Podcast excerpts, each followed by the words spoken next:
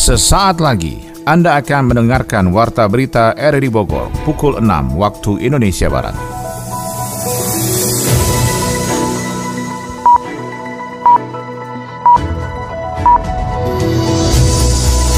Selamat pagi dan salam jumpa. Kembali kami hadir dalam Warta Berita edisi hari ini, Kamis 1 Juni 2023. Siaran kami bisa Anda dengarkan lewat audio streaming di RRD Play dan bisa Anda dengarkan juga di audio on demand di Spotify, Anchor, Portal, dan Google Podcast. Berita utama pagi ini adalah Oknum anggota DPRD Kabupaten Bogor, Eka, resmi ditahan di Mako Polres Bogor Cibinong bersama dengan Oknum Kepala Desa Cibinong, Kecamatan Gunung Sindur, Kabupaten Bogor terkait kasus penggelapan dan penipuan atas jual beli empat bidang tanah dengan nilai transaksi 1,78 miliar rupiah kami tidak masuk ke area sana. Kalau untuk penanganan perkaranya saat ini masih berjalan proses penyidikannya dan berkas perkara sedang proses pelimpahan ke jaksa penuntut umum. Program ketahanan pangan di Kecamatan Ciomas menghasilkan hewan ternak yang siap dijual untuk Hari Raya Idul Adha. Betinanya 30, yang bandrolnya 40. Dua warga terdampak korban bencana alam tanah longsor serta tiga warga tidak mampu lainnya di Desa Palasari, Kecamatan Cidro, Kabupaten Bogor akhirnya mendapatkan bantuan perbaikan rumah dari anggaran Provinsi Jawa Barat. Bantuan program Betul Provinsi dan program dari DKPP yang program bencana ini, mudah-mudahan rumah mereka bisa layak untuk ditempati lagi. Saya Maulana Starto, inilah Warta Berita selengkapnya.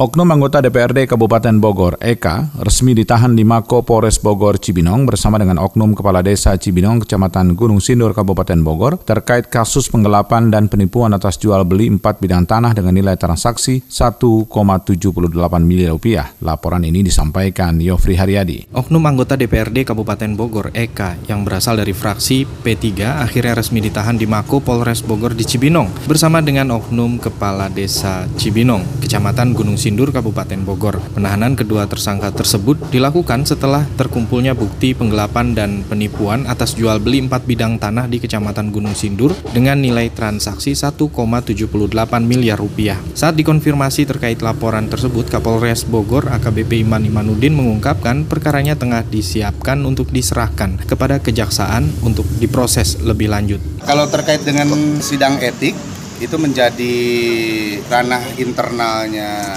dari DPRD Kabupaten Bogor. Kami tidak masuk ke area sana. Kalau untuk penanganan perkaranya saat ini masih berjalan proses penyidikannya dan berkas perkara sedang proses pelimpahan ke jaksa penuntut umum. Akan kami pinjamkan. Siap. Kalau misalkan mau dipinjam. Kalau diperiksa lagi di dalam juga boleh. Asal pulang nggak lecet gitu ya. Sebelum dilakukan penahanan, tersangka yang juga anggota DPRD masih dapat menjalani sidang etik dari Badan Kehormatan DPRD setempat terkait jabatan melekat sebagai anggota dewan, termasuk sanksi dari partai politik yang akan diberikan kepada yang bersangkutan. Ketua DPRD Kabupaten Bogor Rudi Susmanto memastikan kasus tersebut adalah murni perkara pribadi yang bersangkutan dan tidak mempengaruhi agenda kinerja anggota DPRD Kabupaten Bogor yang lain. Proses hukum akan berjalan. Jadi ya kalau memang ketentuannya harus seperti itu kita menghormati proses hukum. Saya rasa hal yang menyangkut tadi disampaikan oknum tersebut tidak ada sangkut pautnya dengan kinerja lembaga DPRD itu adalah pribadi anggota DPRD. Perkara tersebut dilaporkan oleh warga terkait adanya dugaan penipuan dalam transaksi jual beli tanah di Desa Cibinong, Kecamatan Gunung Sindur. Eka tidak bekerja sendirian, melainkan bersama dengan oknum kepala Desa Cibinong yang berinisial HM dalam melakukan manipulasi terhadap jual beli tanah di wilayah itu. Eka dan HM dijerat pasal 378, 372 dan atau 263 KUH pidana dengan hukuman maksimal 4 tahun penjara. Program ketahanan pangan di Kecamatan Ciomas menghasilkan hewan ternak yang siap dijual untuk Hari Raya Idul Adha. Adi Fajar melaporkan. Menjelang Hari Raya Idul Adha, jajaran pemerintah Kecamatan Ciomas, Kabupaten Bogor melakukan peninjauan terhadap 70 hewan kurban. Hewan kurban tersebut merupakan hasil program ketahanan pangan tahun 2022 yang memang ditargetkan untuk dijual oleh masyarakat Desa Sukaharja dalam momen Idul Kurban 2023. Kepala Desa Sukaharja Rahmat mengatakan bahwa selama ini hewan ternak itu dikelola oleh masyarakat dibantu dengan pemerintah yang turut mendistribusikan pakan dan vitamin penggemuk hewan. Nantinya hasil penjualan hewan kurban tersebut akan dilakukan sistem bagi hasil. Dan hari ini adalah memanfaatkan sampling yang di para petani desa Sukarja dengan dari bantuan keuangan ketahanan pangan pemerintah pusat dari dana desa. Kita 70 ekor ya yang betinanya awalnya lah betinanya 30 yang bandrolnya 40 kelebihannya ya kita bagi hasil aja sama tadi dari uang modal yang dibelanjakan contohnya modal kita 2 juta kalau memang penjualan 3 juta kita bagi hasil Sementara itu Camat Ciomas Hairuka Judianto mengapresiasi kerjasama pemerintah desa dengan kelompok tani masyarakat yang telah menggalang program ketahanan pangan yang bermanfaat bagi masyarakat. Pihaknya juga akan memeriksa kesehatan hewan ternak tersebut agar layak dijual untuk kurban. memasarkan domba ini ya karena apa bisa meningkatkan perekonomian warga masyarakat.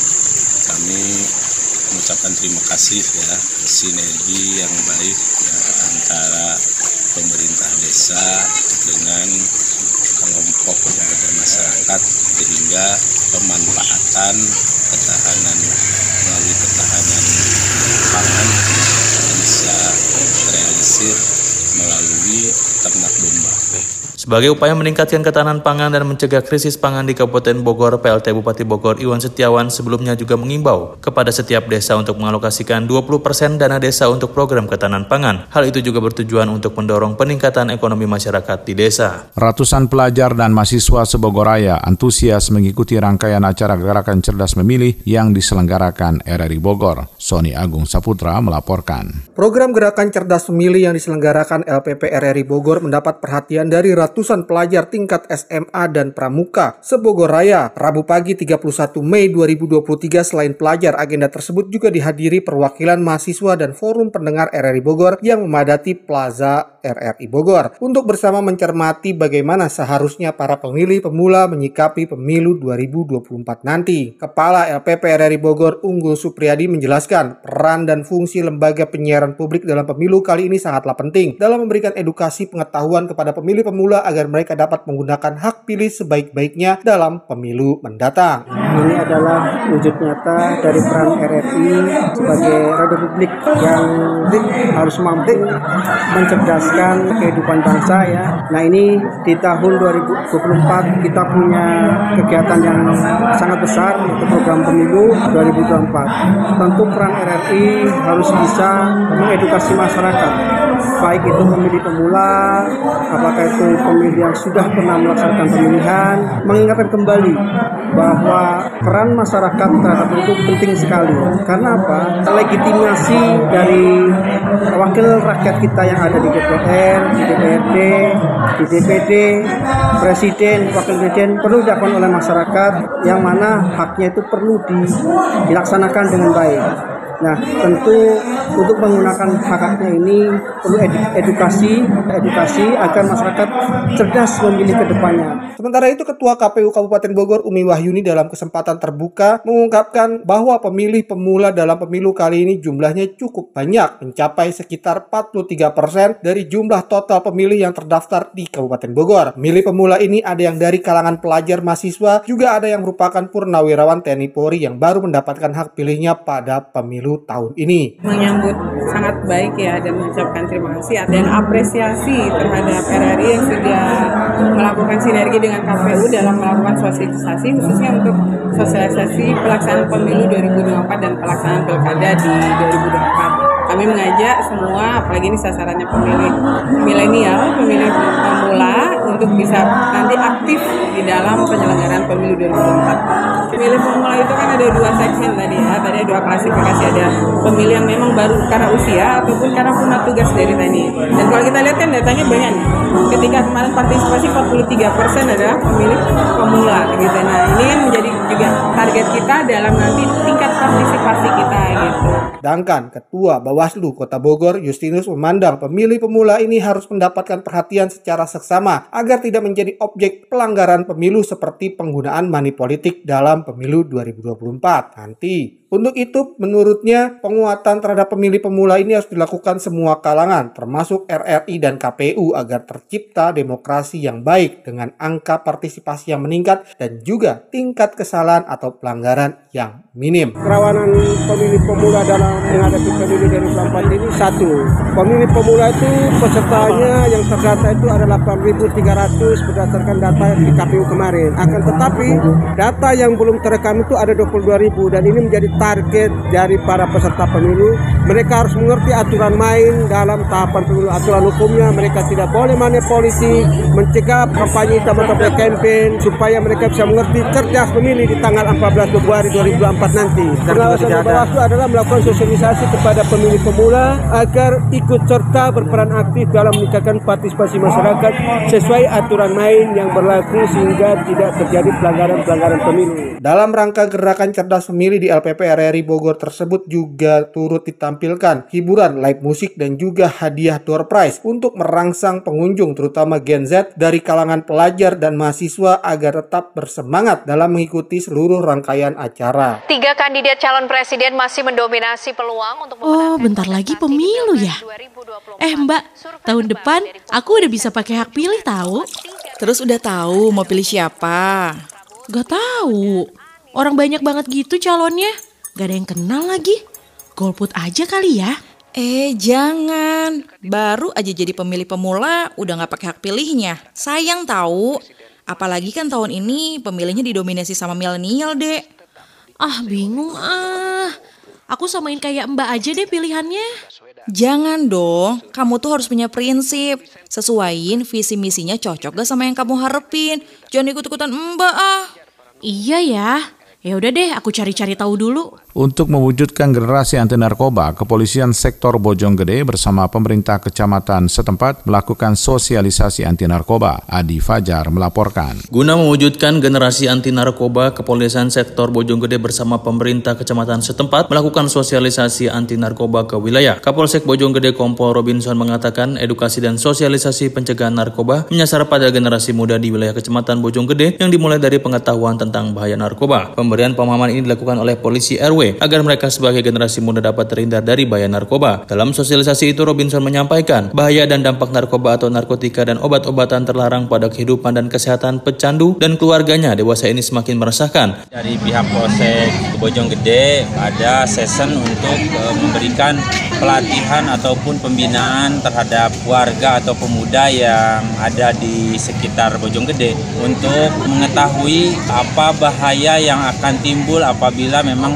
terlibat dalam hal-hal narkoba. Jadi pada season hari ini ada season untuk pelatihan dan pembinaan terhadap pemuda-pemudi seputar Bojonggede tentang narkoba. Dalam sosialisasi anti narkoba yang dilakukan, pihaknya juga memberikan contoh berbagai macam jenis narkoba yang umum beredar di kalangan luas, termasuk dampak negatif yang ditimbulkan terhadap penyalahgunaan narkoba. Kepolisian berharap seluruh lapisan masyarakat berkomitmen untuk memberantas penyakit masyarakat itu. Apabila menemukan di sekeliling kita pengguna narkoba, maka diharapkan masyarakat berperan aktif untuk segera melaporkan kepada pihak kepolisian. Dua warga terdampak korban bencana alam tanah longsor serta tiga warga tidak mampu lainnya di Desa Palasari, Kecamatan Cijeruk, Kabupaten Bogor, akhirnya mendapatkan bantuan perbaikan rumah dari anggaran Provinsi Jawa Barat. Berikut dilaporkan Yofri Haryadi. Dua warga terdampak korban bencana alam tanah longsor di Desa Palasari, Kecamatan Cijeruk, Kabupaten Bogor, akhirnya mendapatkan bantuan perbaikan rumah.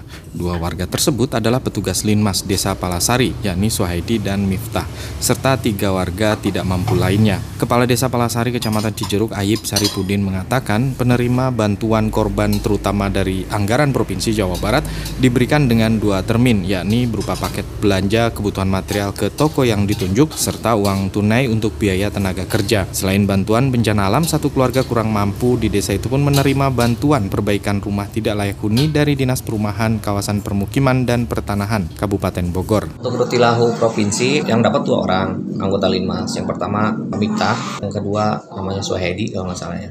Rutilahu dari DPKPP yang bencana ya, yang bencana itu ada satu, yang satu sekarang lagi pengerjaan, yang dua insya Allah mungkin beberapa minggu lagi akan dilaksanakan gitu ya ya alhamdulillah dengan adanya bantuan program Rutilahu Provinsi dan program dari DKPP yang program bencana ini mudah-mudahan rumah mereka bisa layak untuk ditempati lagi. Total ada lima warga di Desa Palasari, Kecamatan Cijeruk, Kabupaten Bogor yang dalam bulan ini mendapatkan bantuan program perbaikan rumah. Kasih Gesra, Kecamatan setempat, Emil berharap bantuan tersebut dapat meningkatkan taraf hidup warga dan menjadi semangat untuk bekerja melayani masyarakat. Alhamdulillah atas perhatian keluarga kami sebagai Kasat Lima Sari sangat perhatian sekali dengan anggotanya. Untuk itu saya berterima kasih sekali, terima kasih banyak karena beliau telah merehab tiga rumah untuk anggota Linmas yang memang wajib berhak mendapatkan perombakan rumah. Lokasinya yang Abeo di Rumah Sari. Bantuan dari provinsi untuk dua anggota Linmas yang rumahnya tidak layak per orangnya masing-masing senilai 20 juta rupiah yang akan dikonversikan dalam bentuk material bangunan untuk perbaikan atap dan dinding yang rusak akibat bencana atau lapuk karena usia bangunan.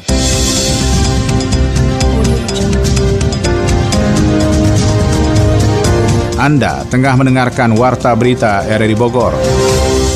Info ekonomi kali ini tentang Badan Pangan Nasional National Food Agency NFA mengungkap kenaikan harga bawang putih saat ini disebabkan oleh naiknya harga komoditas tersebut di China. Menteri Keuangan Sri Mulyani Indrawati menurunkan rasio utang terhadap produk domestik bruto PDB ke rentang 38,07 hingga 38,97 persen pada 2024. Selengkapnya info ekonomi disampaikan Adi Fajar Nugraha. Badan Pangan Nasional mengungkap kenaikan harga bawang putih saat ini disebabkan oleh naik naiknya harga komoditas tersebut di Cina. Kepala Badan Pangan Nasional Arif Prasetyo Adi menjelaskan, bawang putih merupakan salah satu komoditas pangan yang masih memerlukan tambahan pasokan dari luar negeri untuk memenuhi konsumsi domestik. Seperti diketahui sebelumnya, harga bawang putih di Cina berada di atas 1.300 US dollar per ton Hal tersebut menyebabkan harga dalam negeri merangkak naik. Arif mengatakan pihaknya dengan Kementerian Perdagangan meminta masyarakat tidak perlu khawatir mengenai pasokan di dalam negeri. Pasalnya pemerintah telah merencanakan untuk mengimpor bawang putih untuk pemenuhan kebutuhan dalam negeri. Berdasarkan prognosa neraca pangan nasional Januari hingga Desember 2023, kebutuhan bawang putih nasional dalam setahun sekitar 652 ribu ton, sedangkan produksi dalam negeri sekitar 18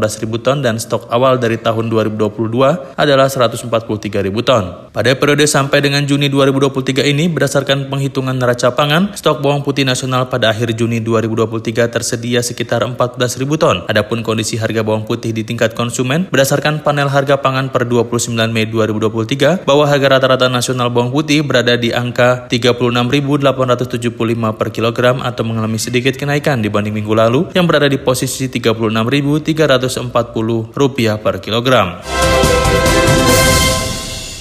Menteri Keuangan Sri Mulyani menurunkan rasio utang terhadap produk domestik bruto atau PDB ke rentang 38,07 hingga 38,97 persen pada 2024. Ia menilai target rasio utang Indonesia pada 2024 itu masih terbilang aman, apalagi jumlah itu masih jauh di bawah ambang batas utang yang ditetapkan Undang-Undang Keuangan Negara, yakni 60 persen dari PDB. Ia mengungkapkan setiap penarikan utang sebesar 1 US dollar akan menghasilkan 1,34 US dollar tambahan PDB selama 2018 hingga 2022 lalu. Oleh karena itu selama kurun waktu tersebut kenaikan PDB Indonesia lebih besar dibandingkan penarikan utang. Dalam rentang itu penarikan utang Indonesia mencapai 206,5 miliar US dollar sedangkan PDB mencapai 276,1 miliar US dollar. Meski demikian pengelolaan utang Indonesia ini masih di bawah Vietnam. Negara itu hanya melakukan penarikan utang sebesar 18,2 miliar US dollar namun PDB-nya naik sebesar 102 miliar US dollar. Menilik data Kementerian Keuangan, per akhir Maret 2023 posisi utang pemerintah tercatat sebesar 7.000 1.879,07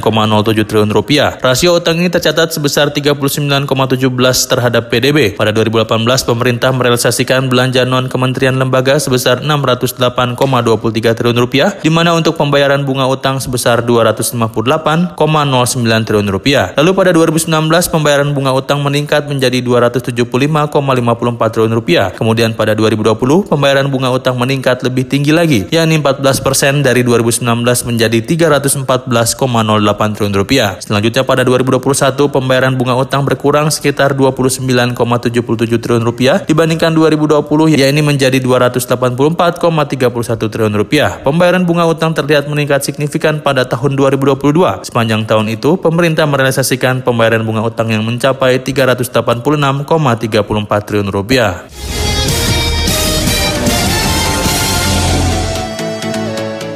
Dari dunia olahraga, cabang olahraga dance sport kembali dipertandingkan pada Pekan Olahraga Nasional 24 yang akan berlangsung di Aceh dan Sumatera Utara. Ganda putri andalan Indonesia Prani Rahayu Siti Fadia Silva Ramadanti mulus melenggang ke babak 16 besar Thailand Open 2023. Kita ikuti selengkapnya bersama Ermelinda.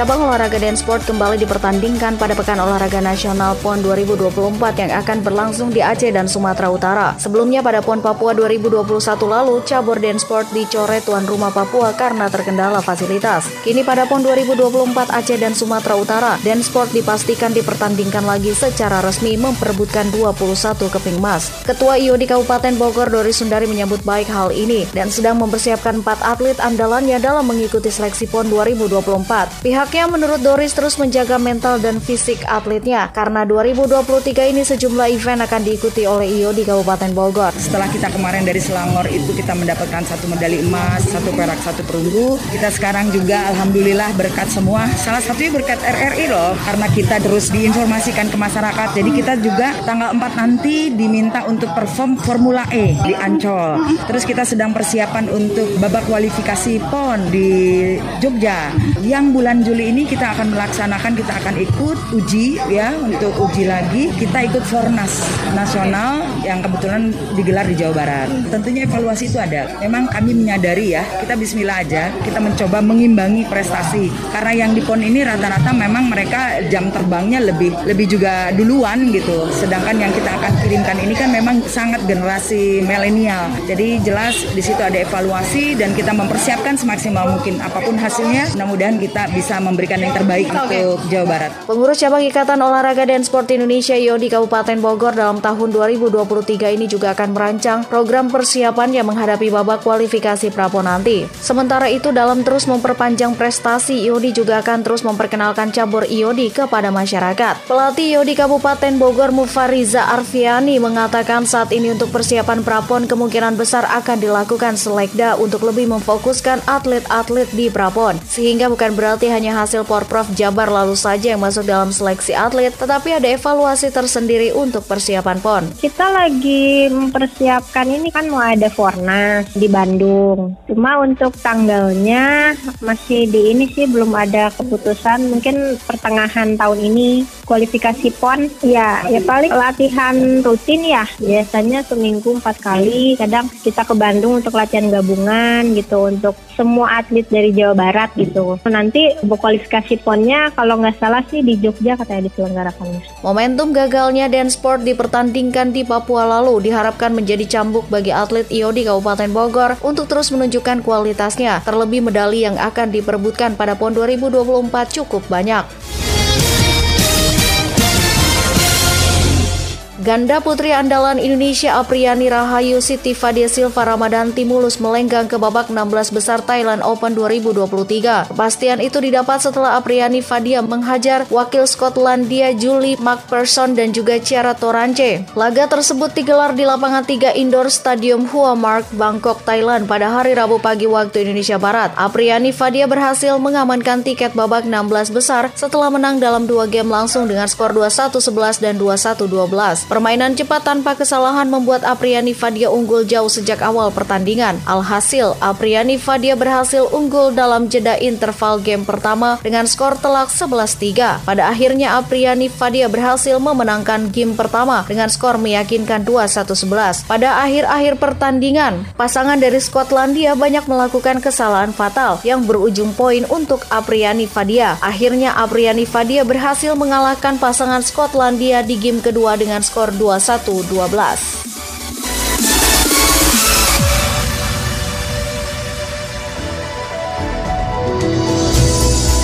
Demikian rangkaian informasi yang kami hadirkan dalam Warta Berita di edisi hari ini. Sebelum berpisah, kami kembali sampaikan berita utama. Oknum anggota DPRD Kabupaten Bogor, Eka, resmi ditahan di Mako Polres Bogor, Cibinong, bersama dengan Oknum Kepala Desa Cibinong, Kecamatan Gunung Sindur, Kabupaten Bogor, terkait kasus penggelapan dan penipuan atas jual beli empat bidang tanah dengan nilai transaksi 1,78 miliar rupiah.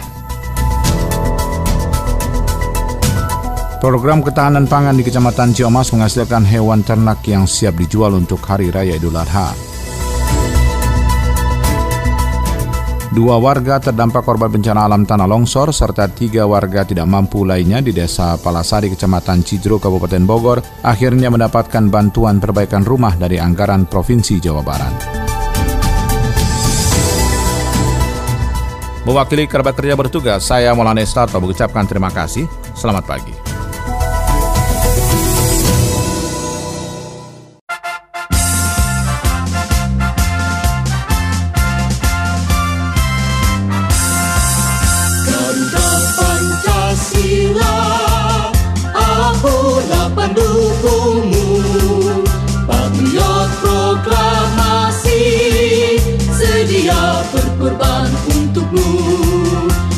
Pancasila dasar negara, rakyat adil makmur sentosa. Pribadi bangsaku, ayo maju, maju, ayo maju, maju, ayo maju, maju.